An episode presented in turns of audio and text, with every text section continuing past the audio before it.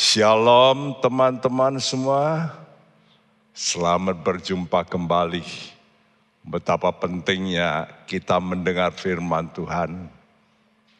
Karena pemazmur berkata, jikalau bukan firmanmu yang menguatkan aku, sudah lama aku jatuh. Nah, betapa pentingnya saudaraku kehidupan kita ini tidak boleh sendirian. Kita ini tubuh Kristus. Jadi kalau tubuh Kristus kita harus berinteraksi, ada networking, ada kerjasama. Kenapa? Karena itulah kekuatan. Ya, dan bagian daripada Kristen kijang ini kita bicara bagaimana seperti kijang itu. Kalau berjalan biasanya bersama-sama terus. Ya, kecuali kalau ada suku uh, bahaya mereka bisa lari. Tapi umumnya mereka berkumpul bersama. Kekuatan bersama. Kekuatan iman bersama. Kenapa penting? Karena kita sadar bahwa kita akan menghadapi bahaya yang besar. Dan kita banyak kelemahan. Seperti anggota tubuh ini harus kerjasama. Nah ini perlu disadari. Dan banyak orang Kristen belum menyadari betapa pentingnya yaitu kerjasama antara anggota-anggota tubuh Kristus. Untuk apa? Untuk mempertahankan iman ya. Dalam bahasa Inggris di situ katakan contending the faith. Dan ini dikatakan di dalam surat Yudas.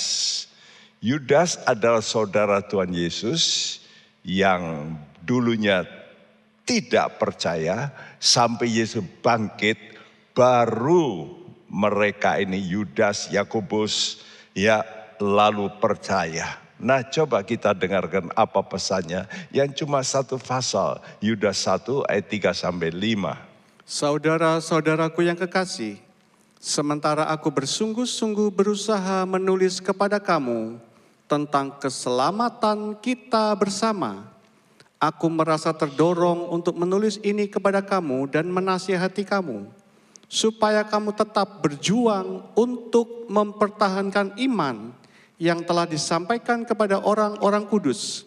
Sebab ternyata ada orang tertentu yang telah masuk menyelusup di tengah-tengah kamu, yaitu orang-orang yang telah lama ditentukan untuk dihukum.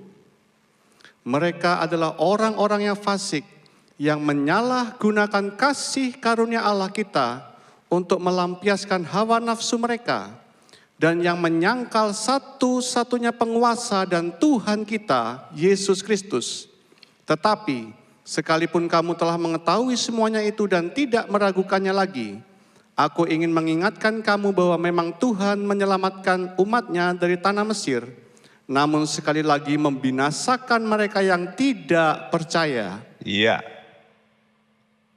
Lihat alinea terakhir. Ya, mereka sudah dikeluarkan, dikatakan Tuhan menyelamatkan. Jadi Tuhan menyelamatkan. Tapi sekali lagi membinasakan. Kenapa? Karena percaya mereka luntur.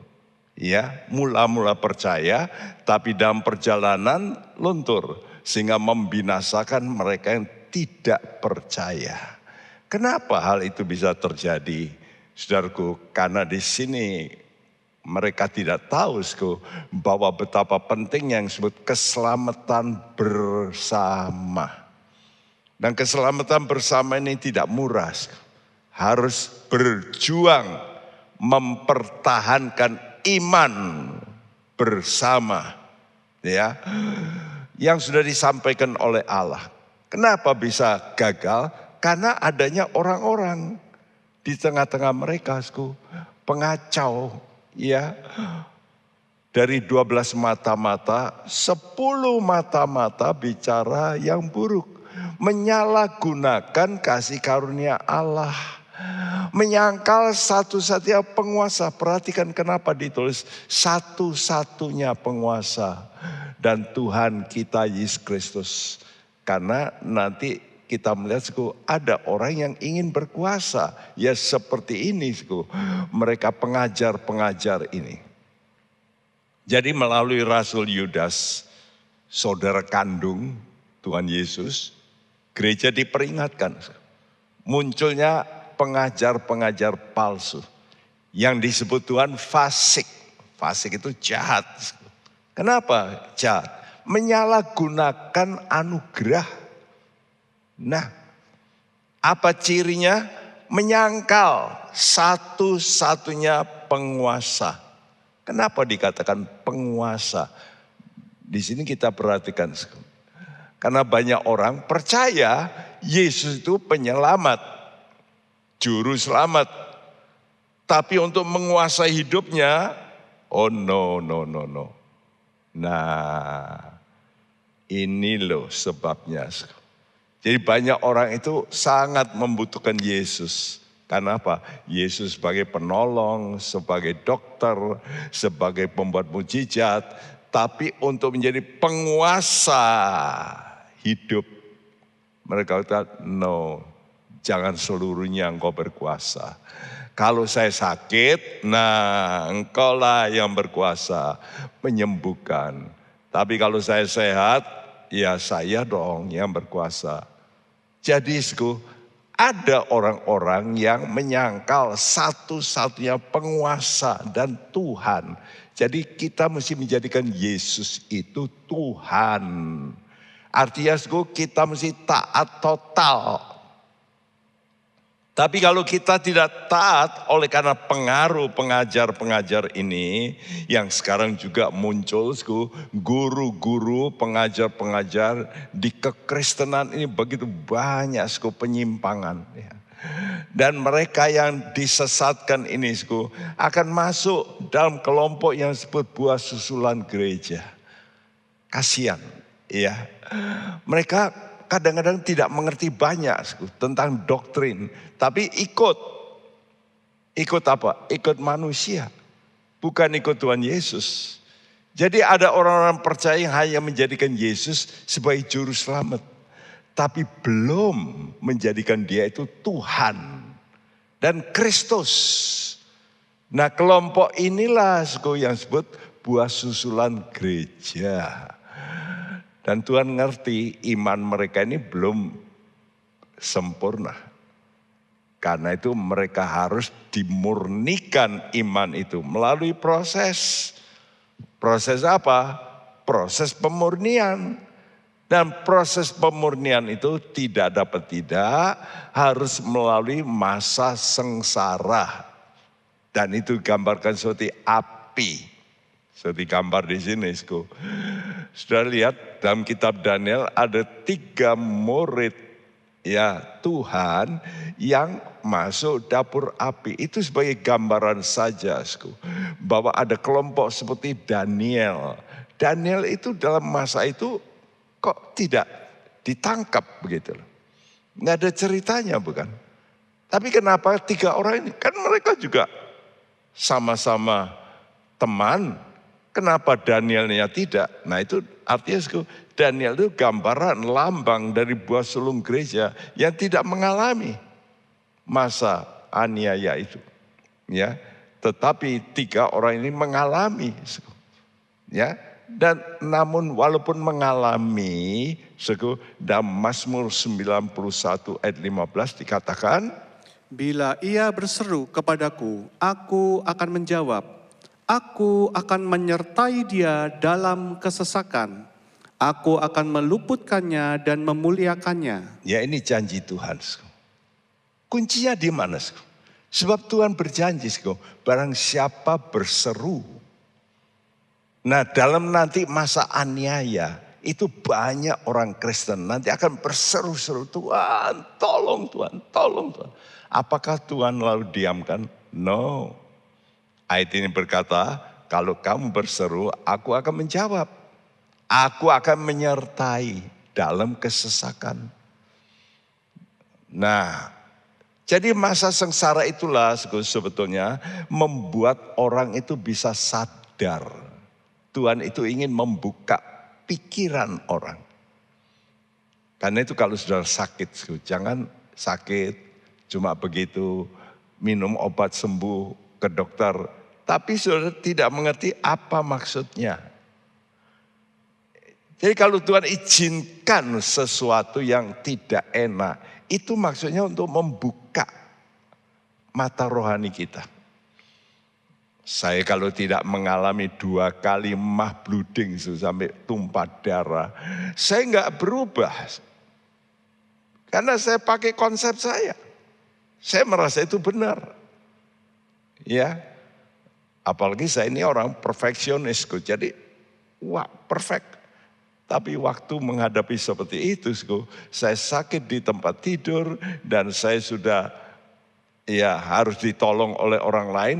Orang yang saya anggap tidak perfect, yang sering mengganggu, itu menolong saya. Nah, saat itulah saya dicelekan, eh, kamu betul juga tak? Orang yang seperti itu. Yang kamu anggap, ah, dah buat apa? Buktinya kamu membutuhkan dia. Nah saat itulah konsep saya berubah. Jadi kita ini perlu mempunyai iman yang progresif. Jadi jangan iman melulu. Banyak orang yang berkanjang dengan imannya.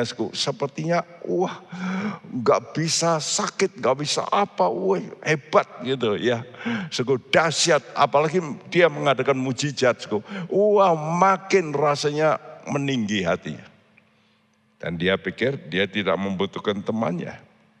Saudaraku, iman kita perlu progresif.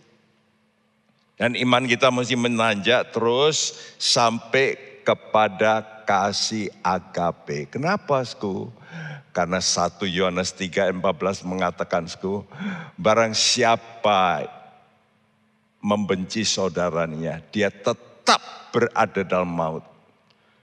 Namun siapa yang mengasihi dia sudah pindah dari maut ke dalam hidup.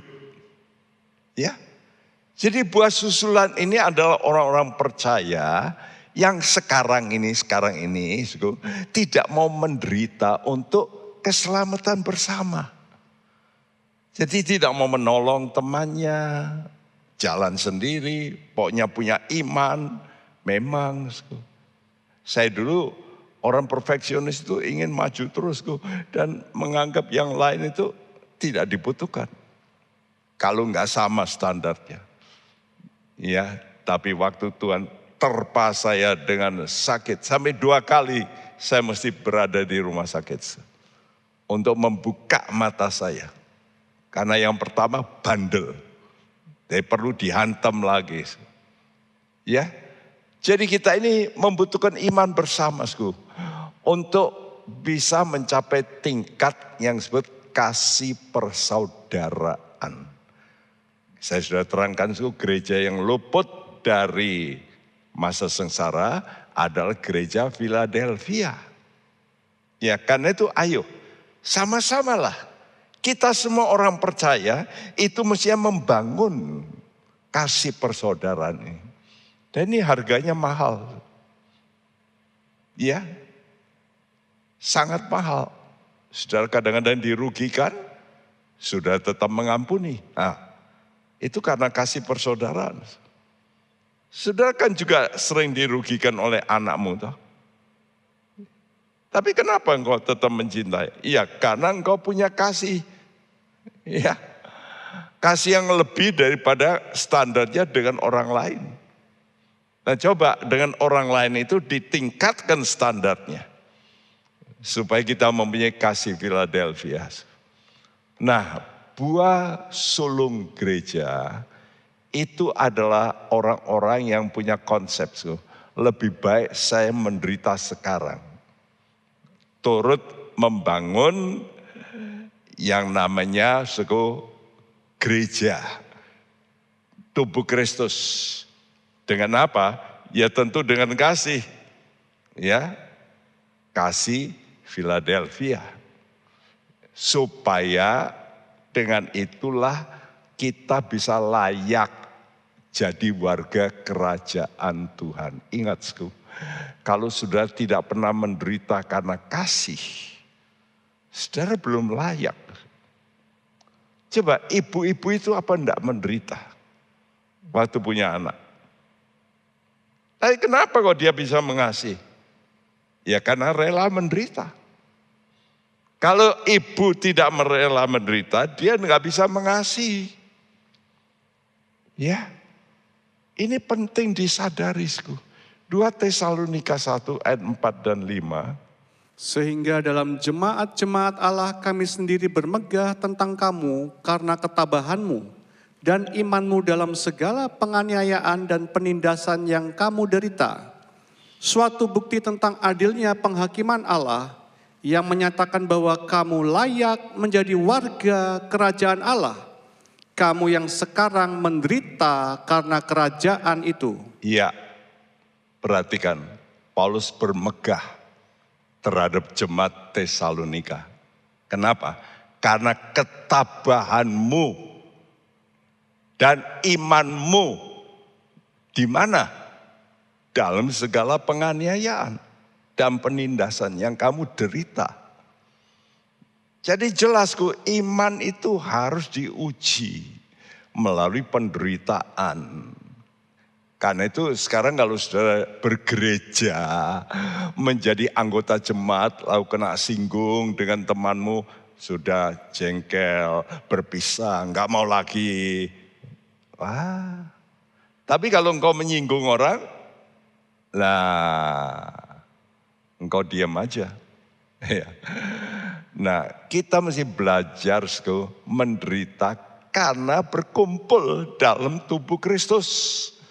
Kalau kita rela begitu, kata Tuhan, kamu layak menjadi warga kerajaan Allah, kamu yang sekarang now menderita karena kerajaan itu. Jadi perhatikan kasih yang benar tidak mungkin lepas dari penderitaan. Tidak mungkin. Ya. Dan Tuhan ingatkan kepada Petrus waktu dia sudah uh, menyangkal Tuhan tiga kali, dia merasa, aduh saya salah. Walaupun dia sudah bertobat, dia nangis untuk itu sedih. Lalu dia ajak teman-teman, yuk mancing lagi. Ya, ayo ya tangkap ikan lagi. Dan Tuhan temui khusus. Bahkan Tuhan berpesan kepada Maria Magdalena. Beritahu kepada Simon Petrus. Jadi disebut. Dia tahu dari murid-muridnya yang paling celaka itu Simon Petrus. Menyangkal. Beritahu dia, aku mau temui. Wah, bukan main Tuhan kita. Dan waktu ditemui lalu ada dialog ini. Ya. Apakah engkau agapau aku? Dua kali ditanyakan pakai kata agapau. Apakah kamu mengasihi aku dengan kasih ilahi? Apa jawab Petrus? Ya. Tanpa merasa sedih. Ya, yakin. ya, ya. Dia merasa sudah. Ya. Lalu Tuhan kata, kalau betul gembalakanlah domba-dombaku. Nah, perhatikan. Mengembalakan domba Tuhan itu sakit enggak? Coba ngatur orang itu lebih susah, sakit. Daripada ngatur barang. Ngatur apa itu barang-barang ditumpuk tidak pernah teriak. Tapi orang melayani mungkin ya kurang perhatian sedikit sudah, wih. Saya dulu kan begitu, karena banyak orang lewat, saya gini aja. Karena ini ngajak ngomong ini. Jadi saya begini, terus Pak Bekti, nek sing itu diajak ngomong, nek saya kok enggak dilihat aja tidak. Saya dalam batin, ya coba nanti kamu kalau jadi pemimpin. Ya, dan Tuhan tanya, apakah engkau agapau aku? Ya, ya. Tapi Tuhan ngerti. Tuhan turunkan, apakah engkau filio aku? Mengasihi dengan kasih persaudaraan. Nah saat itu baru tersentuh dia. Tadinya, wih, ya. Sekarang apakah kamu filio? Kasih persaudaraan. Gimana? Dia nangis. Kenapa sadar?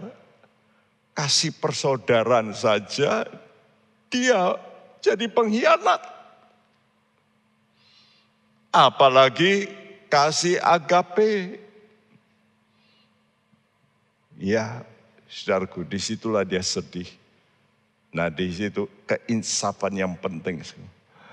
Ya, keinsafan pertama waktu dia menyangkal, dia dengar, ingat apa yang Tuhan katakan dulu. Ya, dan Petrus cepat nangisku, bertobat Matius 26 ayat 74 75. Maka mulailah Petrus mengutuk dan bersumpah, "Aku tidak kenal orang itu." Dan pada saat itu berkokoklah ayam. Maka teringatlah Petrus akan apa yang dikatakan Yesus kepadanya. Sebelum ayam berkokok, engkau telah menyangkal aku tiga kali. Lalu ia pergi keluar dan menangis dengan sedihnya. Iya, saudaraku, Petrus sadar dirinya ini menyangkal Tuhan. Teringatlah Petrus akan firman Tuhan. Nah, betapa pentingnya saudara itu membaca firman Tuhan. Coba temukan rema yang lalu. Sudah pernah menerima rema dari Tuhan. Dan waktu sudah baca ulang itu bisa menggugah saudara.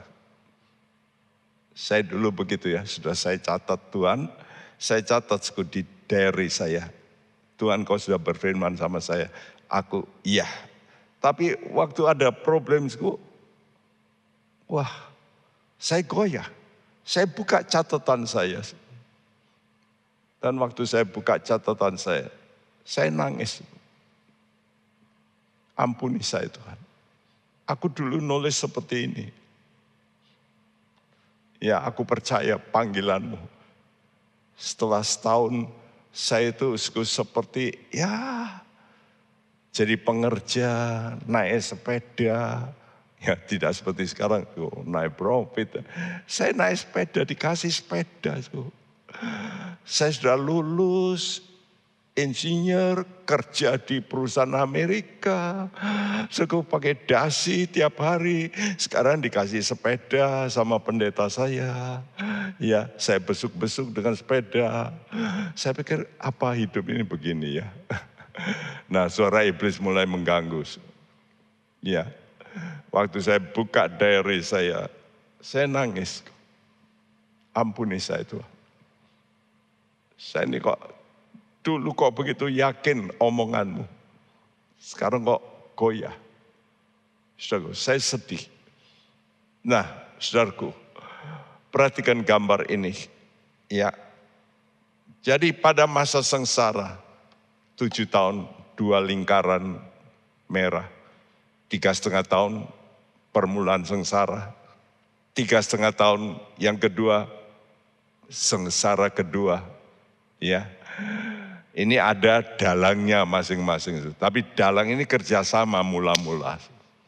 Ya, kalau sudah lihat gambar di situ ada tanda panah ujung situ Babylon agama.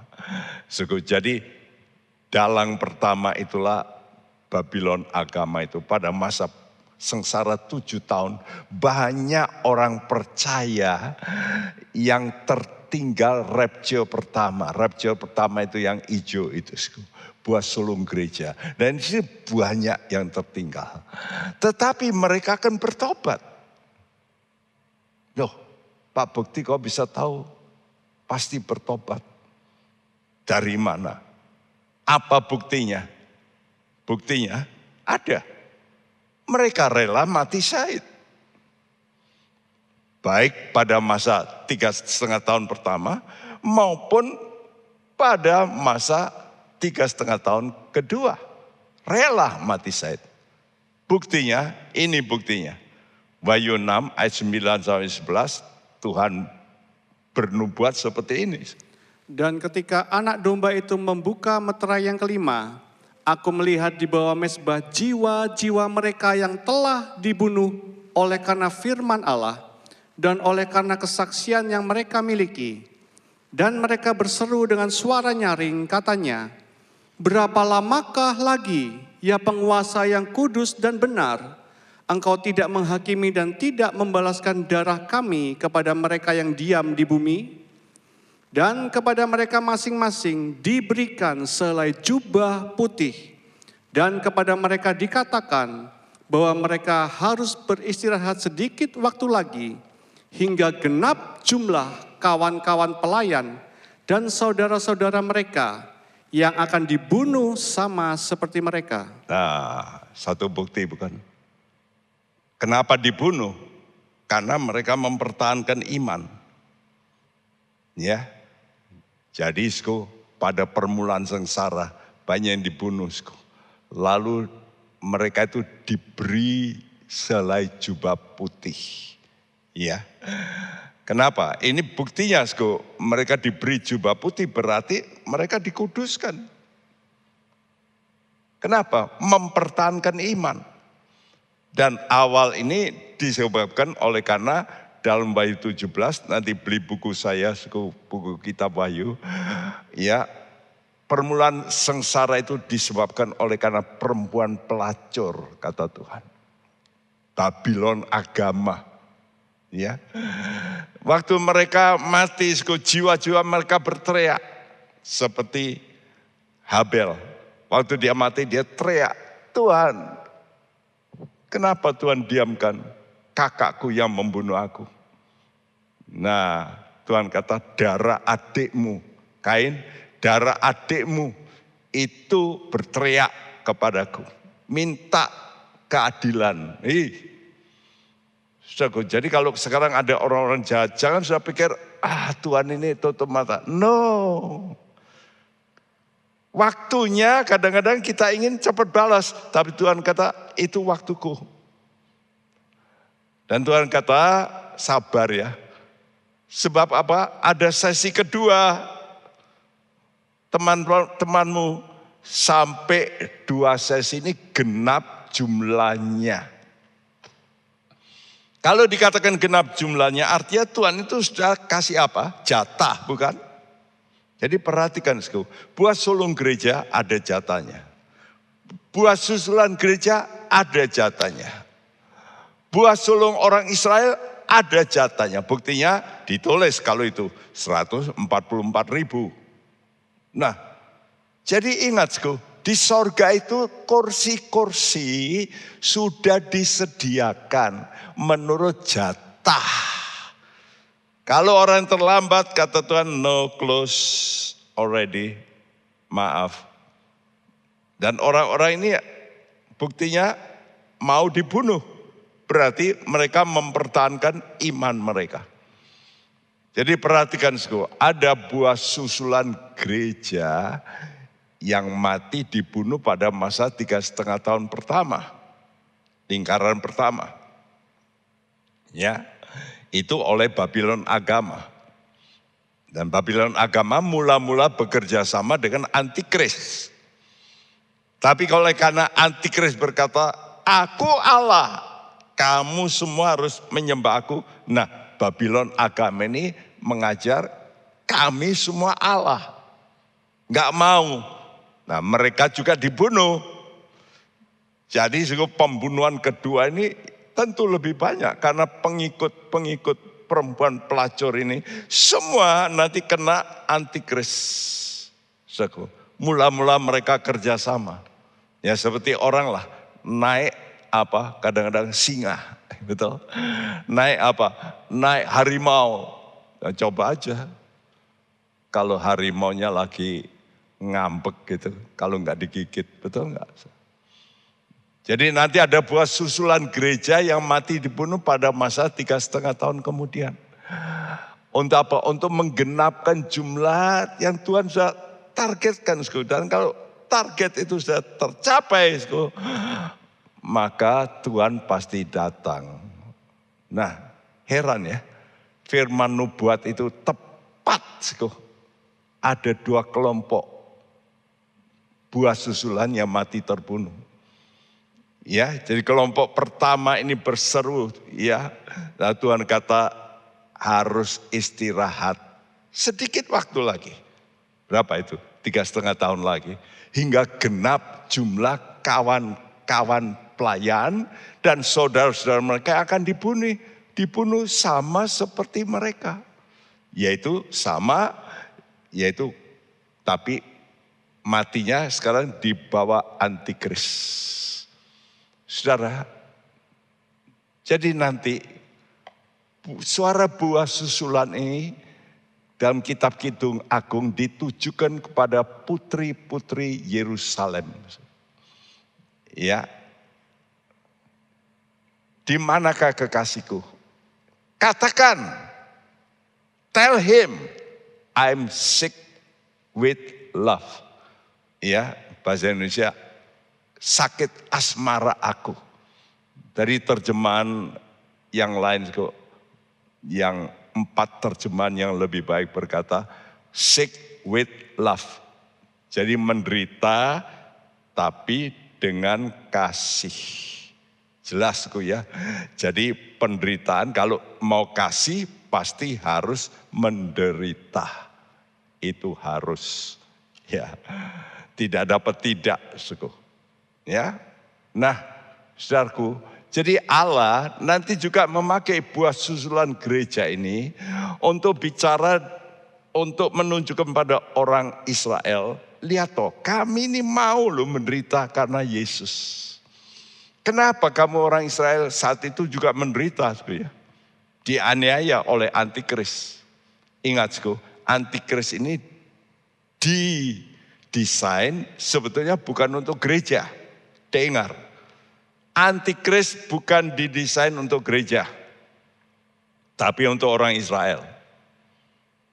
Tapi oleh karena gereja Tuhan banyak yang bandel, tidak percaya seperti orang Israel dulu waktu masuk mau masuk tanah Kanaan, betul nggak? Disuruh masuk nggak mau. Kenapa? Bandel, tidak percaya. Nah, Akibatnya gereja mengalami juga seperti orang Israel yang bandel itu. Saudara. Jadi perhatikan sebuah suruhan gereja itu punya tekad nanti. Oke, saya tetap mau cinta. Karena itu dikatakan tell him I am sick with love tekankan love-nya ini. Jadi mereka ini tetap mau cinta Tuhan. Mereka mengerti sekarang, waduh benar ya yang dikotbahkan dulu. Ada rapture. Kami ini tertinggal sekarang. Wah lebih baik kami menderita. Walaupun menderitanya jauh lebih berat. Oke, tapi oleh karena kasih.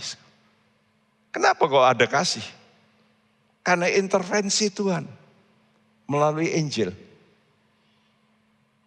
Dulu saya pernah dengar seorang pendeta besar sekali, dia berkata, Tuhan tidak pakai malaikat untuk memberitakan Injil.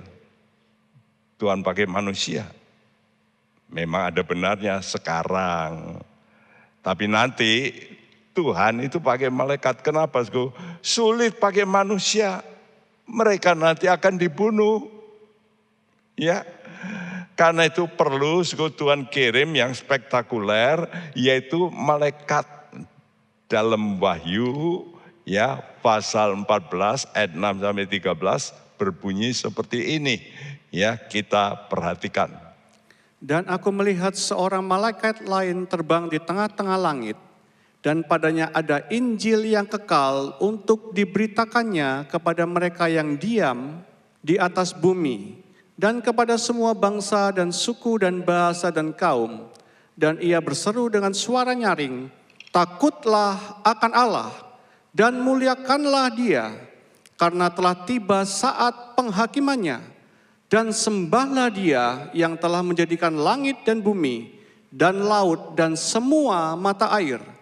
Dan seorang malaikat lain, malaikat kedua menyusul dia dan berkata, Sudah rubuh sudah rubuh Babel, kota besar itu, yang telah memabukkan segala bangsa dengan anggur hawa nafsu cabulnya.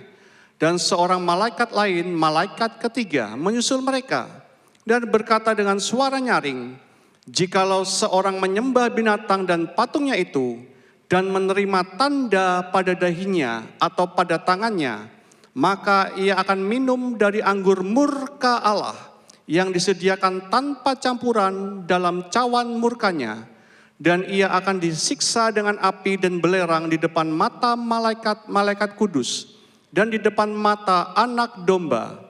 Maka asap api yang menyiksa mereka itu naik ke atas sampai selama-lamanya, dan siang malam mereka tidak henti-hentinya disiksa, yaitu mereka yang menyembah binatang serta patungnya itu, dan barang siapa yang telah menerima tanda namanya. Iya, satu dilema. Betul? Kalau mau ikut Yesus saat itu disiksa, dianiaya oleh perempuan pelacur pertama, lalu oleh antikris. Tapi kan paling-paling sampai mati tubuhnya. Kalau sudah mati, ya sudah berhenti siksanya. Tapi Tuhan peringatkan, hati-hati. Kalau kamu tidak mau sembah Allah, kamu sembah antikris dan menerima tanda di dahi dan di tangan, yang sekarang mulai dipraktekkan di tangan ini. Ya, dikatakan di sini apa, Sku? Mereka tidak henti-hentinya disiksa. Nah, Siapa? Mereka menyembah binatang. Binatang itu antikris. Dan patungnya antikris. Dan siapa yang menerima tanda. Ini nanti antikris kasih suku tanda. Ini milikku, ini milikku. Itu nanti dipasang. Sekarang diributkan orang tentang microchips. Ya. Dan saudaraku, jadi nanti antikris akan mempunyai tanda-tanda dibagikan untuk orang-orang. Tapi perhatikan di sini, mereka tidak henti-hentinya disiksa. Ya, lalu Tuhan kata ini, kalau begitu kamu pikirkan ini, yang penting ini loh. Ya.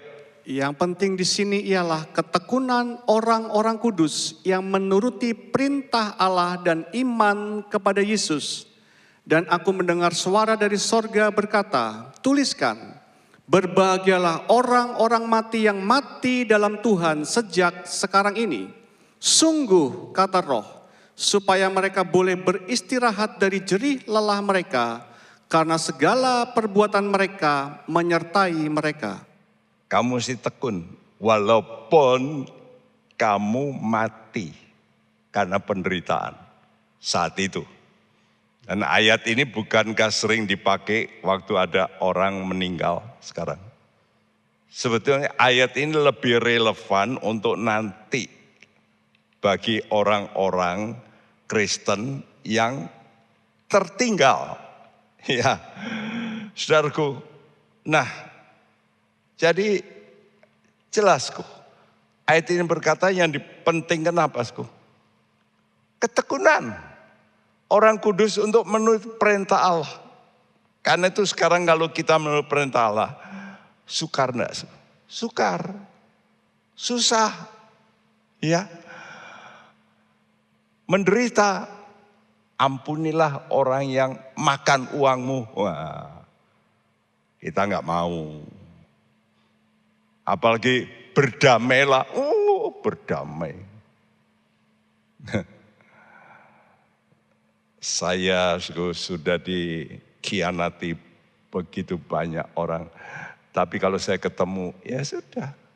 Ya mau apa, ya nantilah urusan nanti. Ketemu hakim itu nanti. Ya, kalau dia tidak mau bereskan sekarang, ya saya mau paksa gimana? Kan nggak bisa. Ya. Nah di sini pentingnya ketekunan orang kudusku. Menurut perintah Allah. Dan iman kepada Yesus. Artinya, saudara hanya bisa menurut perintah Allah kalau engkau punya iman kepada Yesus. Iman apa? Kebangkitan. Berbahagia orang yang mati dalam Tuhan sejak sekarang ini. Karena itu saya bilang orang yang mati-mati sekarang itu jauh lebih enak daripada nanti zamannya antikris. Betul? Kenapa? Kalau mati istirahat dari jeri lelah dan perbuatan mereka menyertai. Karena itu mari kita lakukan perbuatan yang benar-benar punya nilai kekal. Sebab yang hanya nilai kekal yang bisa menyertai dalam alam kekekalan. Ini pilihan. Dan pilihan ini dilema. Saya katakan dalam pepatah Indonesia ini namanya makan buah si malakah. Ya. Jadi dalam masa MS, masa sengsara, itu orang harus menentukan pilihan. Nah ini dua-dua nggak enak. Tapi nggak enak sementara atau nggak enak kekal begitu. Makanya sekarang saudara ini harus sekarang milih. Tidak enak sekarang daripada nanti tidak enak zaman masa sengsara. Ini pilihan. Dan saudara mesti rela. Kuncinya di mana? Kata Tuhan, takutlah akan Allah. Apa itu takut akan Allah? Saya sudah sering katakan, Mazmur 33 ayat 8 dan 9 mengatakan, ya hai segenap isi bumi. Takutlah akan Allah. Ya. Dan seluruh penduduk bumi ini gentarlah terhadap dia. Kenapa? Karena dia berfirman dan semuanya jadi. Apa yang difirmankan Tuhan? Firmankan Tuhan begini, ada di end. Ada akhir sukacita kekal, derita kekal. Itu DN-nya. Sorga kekal, neraka kekal. Jadi kalau sekarang orang mati itu belum sampai ke neraka kekal, belum loh. Mereka baru neraka transit. Kenapa? Karena belum tubuhnya disiksa, belum. Jadi jiwa dan rohnya disiksa. Nah itu dalam Lukas 16, karena Tuhan Yesus bercerita di situ tentang perumpamaan orang kaya itu masih suku neraka transit, belum kekal. Itu baru roh dan jiwa. Orang kaya itu menderita, minta minum, suku, haus untuk ya rohnya di alam baka penderitaan. Kata Tuhan takutlah akan Allah dengan apa? Sembah Tuhan. Nah kunci kalau begitu, ini urusan sembayang. Makanya kalau orang sudah sembayang kepada dewa-dewa, pada patung-patung, atau menyembah yang bukan patung, tapi duit, mamon. Memang kalau kita takut akan Allah, kita mesti rela menderita tubuh sekarang. Karena itu saya tulisku, takut akan Allah ini punya konsekuensi. Apa? Sembah, suka sembayang. Kalau sudah takut akan Allah, saudara itu mesti tanya, ya. Dalam tiap apa yang kau lakukan, boleh enggak ini Tuhan? Berkenan tidak? Ya, dan tanya itu tidak tanya begitu, tapi baca Alkitab. Ngerti itu di situ larangannya apa. Dan sembah Tuhan. Tuhan kau pasti tolong saya. Walaupun saya dirugikan, nanti Tuhan buka jalan. Nah, kita rela menderita tubuh. Apakah ini pilihan yang sudah pilih, yang di atas? Kalau ini pilihanmu, akhirnya saudara akan di end-nya itu sorga yang mulia. Tapi kalau sekarang sudah takut menderita tubuh, ya takut kalau difitnah, takut uangnya, ya dimakan orang, waduh sudah. Nah itu berarti saudara itu tidak mau menderita tubuh. Nah dan nanti orang yang ketinggalan, mereka yang takut menderita tubuh, mereka memilih sembah antikris. Karena antikris berkata, kamu sembah gak?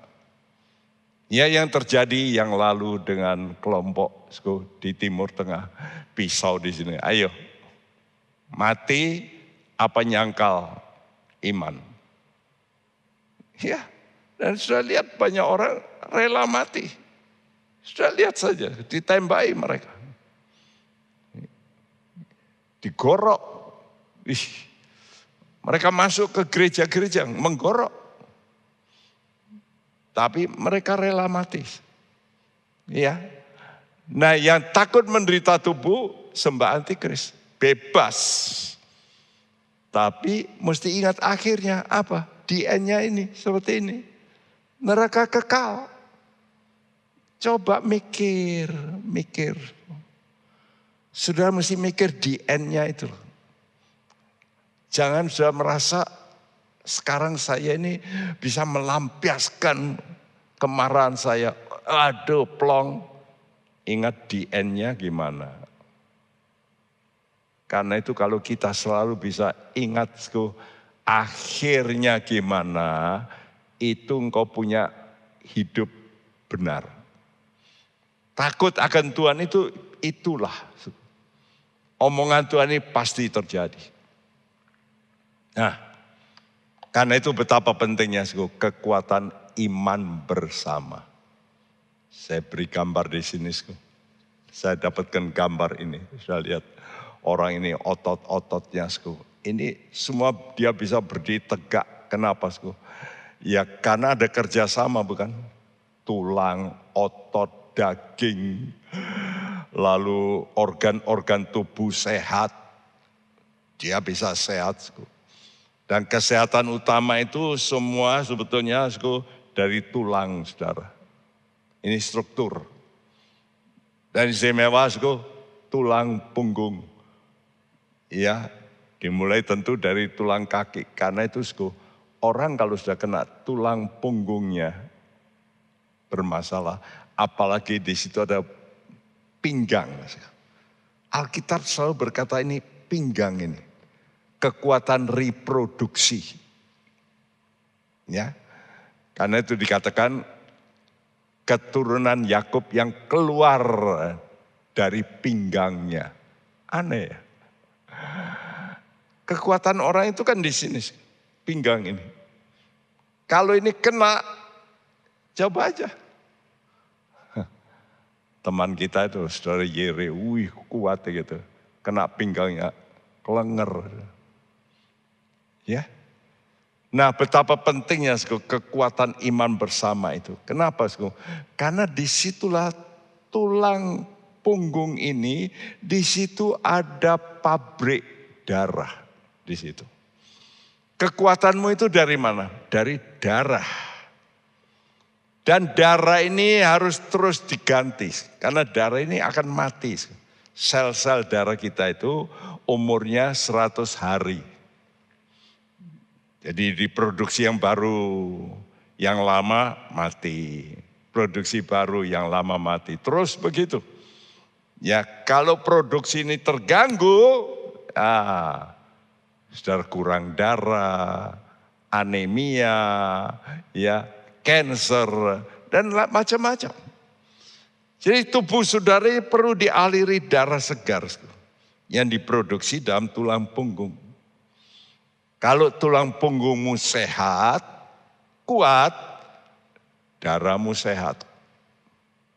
Tulang-tulangmu kuat, tubuhmu sehat. Ini jelas. Ya. Karena itu di China ada cim-cim sudah 80-90 tahun naik pohon. Lalu wih, iya salto, jempalitan. Wih, kok bisa ya? Kenapa sih? Karena tulangnya kuat. Ya. Nah, jadi kita perlu kerjasama. Dengan siapa kerjasama kita? Dengan orang yang takut akan Tuhan. Khususnya pada waktu masa sengsara. Ya, Amsal 3 ayat 7 dan 8. Janganlah engkau menganggap dirimu sendiri bijak. Takutlah akan Tuhan dan jauhilah kejahatan. Itulah yang akan menyembuhkan tubuhmu dan menyegarkan tulang-tulangmu. Iya, takut akan Tuhan.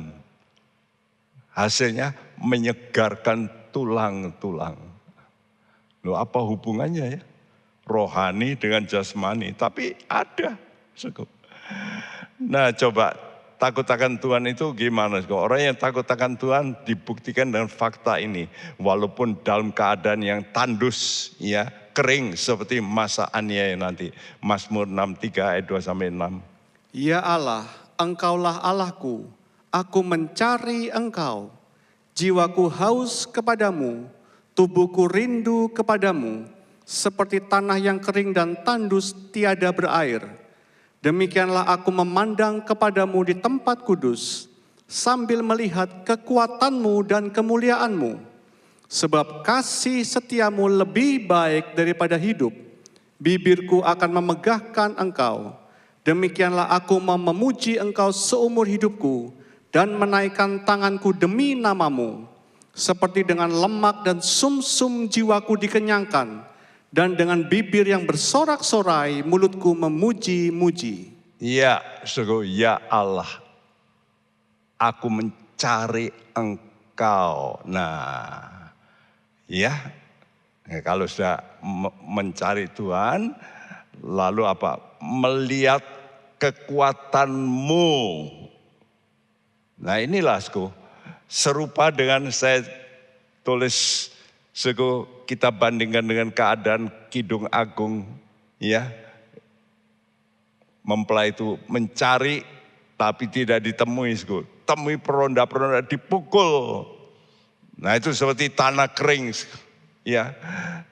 Tapi lalu dia ketemu kelompok lain yaitu putri Yerusalem. Katakan bahwa aku sakit dan cinta. Nah, Suku, ada kekuatan cinta di sini. Ya. Kenapa, Suku? Kasih setiamu lebih baik daripada hidup. Kasih setia Tuhan, anugerah Tuhan. Istimewa keselamatan jiwa kita itu, itu lebih daripada hidup sementara jasmani. Ya, saudaraku, kalau saudara begini, saudara di sini katakan, ya, kita bisa memuji Tuhan. Jiwa kita jadi kuat seperti dengan lemak dan sumsum. -sum. Nah, itu sumsum -sum itu. Itu produksi darah itu sumsum. -sum. Jiwaku dikenyangkan. Karena itu marilah kita yang sekarang kalau sudah menderita, mari kita mau belajar menyanyi, memuji Tuhan, Waktu sudah sakit, coba angkat hatimu. Engkau berkata, aku percaya Tuhan. Kasihmu, setiamu, tetap luar biasa. Aku mau bersyukur. Kalau saudara menderita, tetap memuji Tuhan. Ada kekuatan yang akan mengalir. Tadi katakan, sebab aku melihat kekuatanmu. Kekuatan Tuhan. Ya, yang membuat kita itu bisa kuat. Dan kemuliaan Tuhan yang akan datang seperti yang dialami oleh Stefanus. Dia dilempari batu, tentu sakit. Tapi dia melihat, Yesus berdiri. Dia melihat kemuliaan Tuhan. Dan itu memberikan dia kekuatan yang luar biasa. Sehingga dia bisa berkata, Bapak ampunilah mereka karena mereka tidak tahu apa yang mereka lakukan. Stefanus bisa suku berdoa seperti itu. Dia manusia sama seperti kita. Mari kita juga minta Tuhan buka mata kami. Kami tahu kekuatan kami adalah Engkau pribadi. Kita nyanyikan pujian ini. Kita minta kekuatan dari Tuhan.